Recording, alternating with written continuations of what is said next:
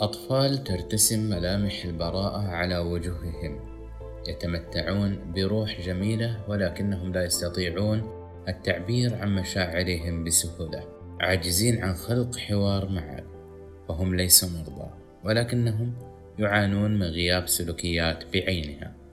لا يستطيعون التفرقة بين الثواب والعقاب بمفردهم.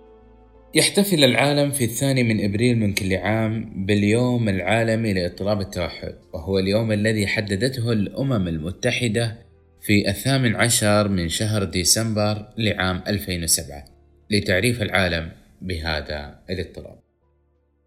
السلام عليكم ورحمة الله وبركاته معاكم أنا أمجد الجهني من بودكاست سحاب. سيكون حديثنا في هذا البودكاست عن اضطراب التوحد. احتفلت الأمم المتحدة والعالم كأجمع في اليوم العالمي لاضطراب التوحد وكان الاحتفال هذا العام تحت عنوان التقنيات المساعدة والمشاركة الفعالة وذلك بهدف تعزيز المشاركة الكاملة لجميع الأشخاص المصابين بهذا الاضطراب من الحصول على الأدوات اللازمة للتمتع بحقوقهم وحرياتهم الأساسية وإدماجهم في المجتمع. يتمثل التوحد في خلل عصبي ونمائي عادة ما يظهر خلال السنوات الثلاث الأولى من حياة الطفل المصاب. ويستمر معه طوال حياته مؤثرا على تصرفاته وتعامله واتصاله بمن حوله إلى جانب تأثيره على قدرة الطفل على التعلم عادة ما تظهر الأعراض على بعض الأطفال بعد الولادة مباشرة وقد يبدأ نمو الطفل بشكل طبيعي وتتأخر الأعراض بالظهور إلى ما بعد الأشهر 18 إلى 36 من عمره. في الحقيقة يتفاوت ظهور أعراض التوحد وشدتها من طفل لآخر. لذلك أصبح استخدام مصطلح اضطراب طيف التوحد هو الأكثر شيوعا حاليا.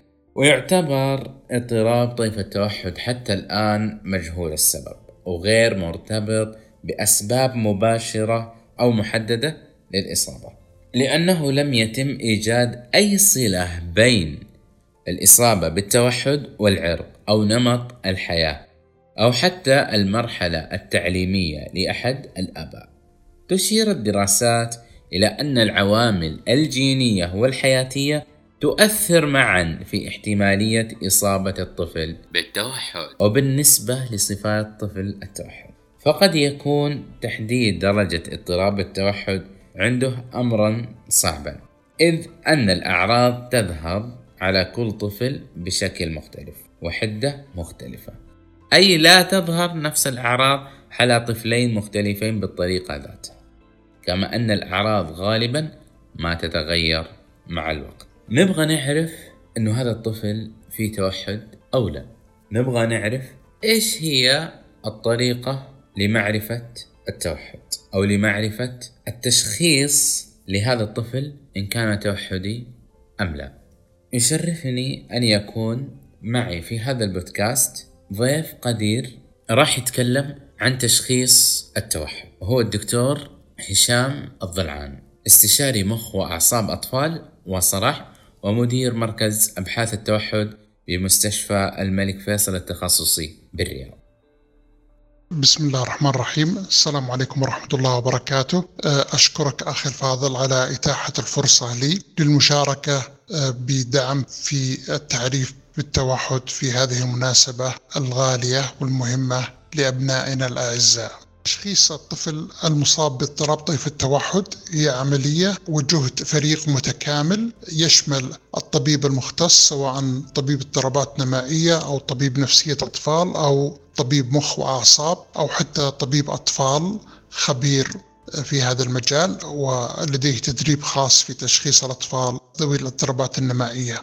الفريق يشمل مختص نفسي ومختص في صعوبات التعلم ومختص في العلاج الوظيفي والعلاج التخاطبي. لكل مختص معايير عالمية موثوقة ومعروفة لتقييم الأطفال والتعرف على احتمالية إصابتهم باضطراب طيف التوحد كل من زاويته. ثم يجتمع الفريق ويتم مناقشة الحالة اعتمادا على المعايير العالمية ويتم اعتماد التشخيص بناء على قدرات الطفل وتحديد نقاط القوة ونقاط الضعف وبرنامج التدخل المناسب لهذا الطفل. معلوم أن الدرهم وقاية خير من قنطار علاج. لذلك اتباع مسؤولية الوقاية أفضل طريقة للتدخل المبكر والتعرف على الحالات مبكرا. آه، وهذا إجراء آه، متبع في جميع الدول المتقدمة بعيادات أطفال حديث الولادة والتطعيمات بإجراء فحص مسح شامل يسمى Age and Stage Questionnaire أو ASQ أو دنفر موديول وهذه معايير لتقييم الأطفال حديث الولادة من عمر شهرين إلى عمر آه ست سنوات. ومن خلال هذه المعايير يمكن التعرف على الأطفال الذي لديهم اشتباه أو احتمالية خطر أن يكون مصاب باضطراب طيف التوحد. عند التعرف على هذه المجموعة من الأطفال يتم تحويلهم إلى الطبيب المختص ويتم إجراء العملية التشخيصية. السمات الأساسية التي يجب على الأهل التعرف عليها أو عند وجودها عند أطفالهم المسارعة للحصول على نصيحة طبية من المختص مثل ضعف التواصل البصري لدى الطفل آه، الحركات النمطية التكرارية انعزالية الطفل وانشغاله عن الأطفال الآخرين وعدم اهتمامه بمن حوله. كذلك من السمات أيضا ضعف التواصل من ناحية الكلام والتأخر في النطق وعدم استخدام الإصبع أو السبابة بالإشارة. الاعتماد على نفسه في إجراء الأمور احتياجاته وعدم الاستعانة بالوالدين. من سمات التوحد أيضا ضعف التواصل الاجتماعي واللعب مع الأطفال عدم استخدام اللعب التهيئي أو استخدام الألعاب بطريقة مناسبة مع التركيز على تفاصيل ودقائق الأمور مثل تحريك عجلات السيارة أو الاهتمام بنقاط صغيرة في رسمة أو لوحة معينة كما أن المشاعر العاطفية لدى الطفل ليست سوية ويمكن أن تكون فيها خلل. عدم الاستجابة الطفل لاسمه بينما ممكن أن يستجيب إلى برنامج معين أو أصوات معينة له شغف فيها ويتفاعل معها بفعالية مما يعطي الأهل انطباع أن سمعه سليم. التدخل المبكر والتعرف على الحالات بسن مبكرة يعطي فرصة كبيرة للتحسن مع البرامج التأهيلية والتدخل المبكر وبالتالي إن شاء الله يعني التحاقه في المدارس واندماجه مع الأطفال بصفة شبه طبيعية عندما يصل لعمر ستة سبع سنوات. أشكر لكم جهودكم وأتمنى لكم التوفيق في نشر الوعي والتعريف باضطراب طيف التوحد. الله يعطيه العافية الدكتور أثرى لنا بمعلومات مفيدة لنا ومعرفة بالآلية المثلى لتشخيص حالات التوحد. الأطفال الذي يعانون من التوحد قد يواجهون العديد من الصعوبات والمشاكل خلال مختلف المراحل العمرية. إلا أن الطفل المصاب بالتوحد قد تتوفر فيه العديد من نقاط القوة المميزة. أهمها القدرة على التعلم. نعم، الطفل التوحدي أو المصاب بالتوحد في منهم من لديه قدرة عالية على التعلم حيث يتميز الطفل المصاب بالتوحد بالقدرة على تعلم الأشياء بتفاصيلها الصغيرة وله القدرة على تذكر هذه المعلومات لمدة طويلة من الزمن إلى جانب قدرته المميزة على التعلم البصري والسمعي. مع تميزه عادة في المواد الدراسية المتعلقة بالرياضيات والعلوم والموسيقى والفن. كونوا معايا مركزين في هذا الكلام. في عام 1998 نشرت مجلة طبية مقالة قصيرة كتبها طبيب بريطاني يدعى أندريو ويكفيلد يطرح فيها فرضية حطوا تحت فرضية عدة خطوط تقول إن لقاح MMR الذي يعطى للحماية من الحصبة والحصبة الألمانية والنكاف قد يسبب حصول التوحد. في العدد نفسه أقصد بالمجلة كان مقال رئيس التحرير يتحدث عن هذا الموضوع ويوضح أن نشر المقالة المذكورة كانت لأسباب حرية التعبير الطبي وأن الآراء المذكورة فيه لا تعدو كونها فرضية لا دليل عليها.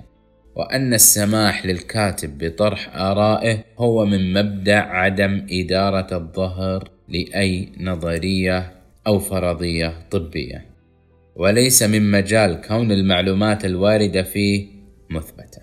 وما حصل في حقيقة الأمر هو أن جميع العاملين في وسائل الإعلام والناشطين والخائفين والمشككين والفضوليين قرأوا المقالة القصيرة التي تقدم كفرضية ولم يعيروا أي انتباه لمقال الرئيس الذي فيه الإيضاح الهام.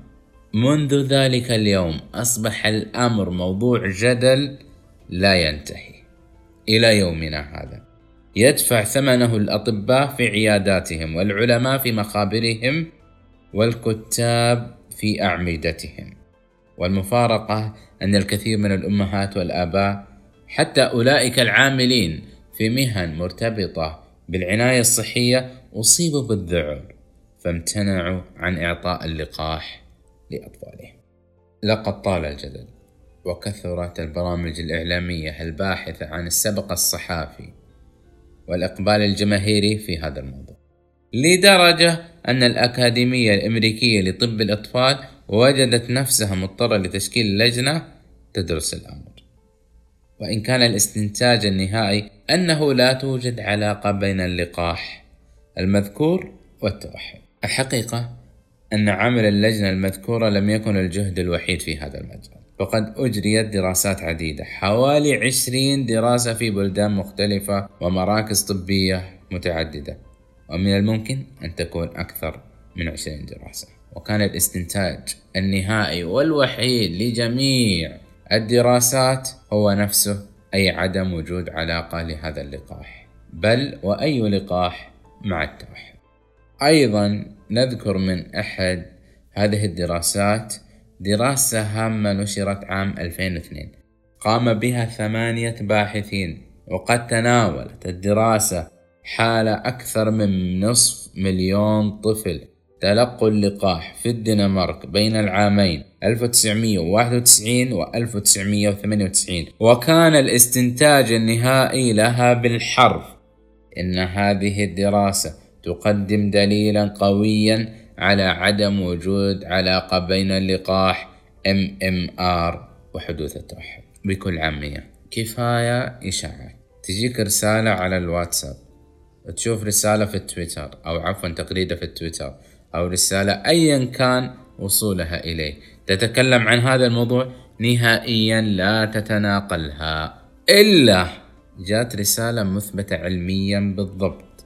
وعشان أريحكم يعني حتى وزارة الصحة السعودية وجميع وزارات الصحة تكلمت عن هذا الموضوع وأثبتت علميا أنه لا يوجد أي علاقة بين جميع اللقاحات وخاصة لقاح MMR وحدوث التوحد.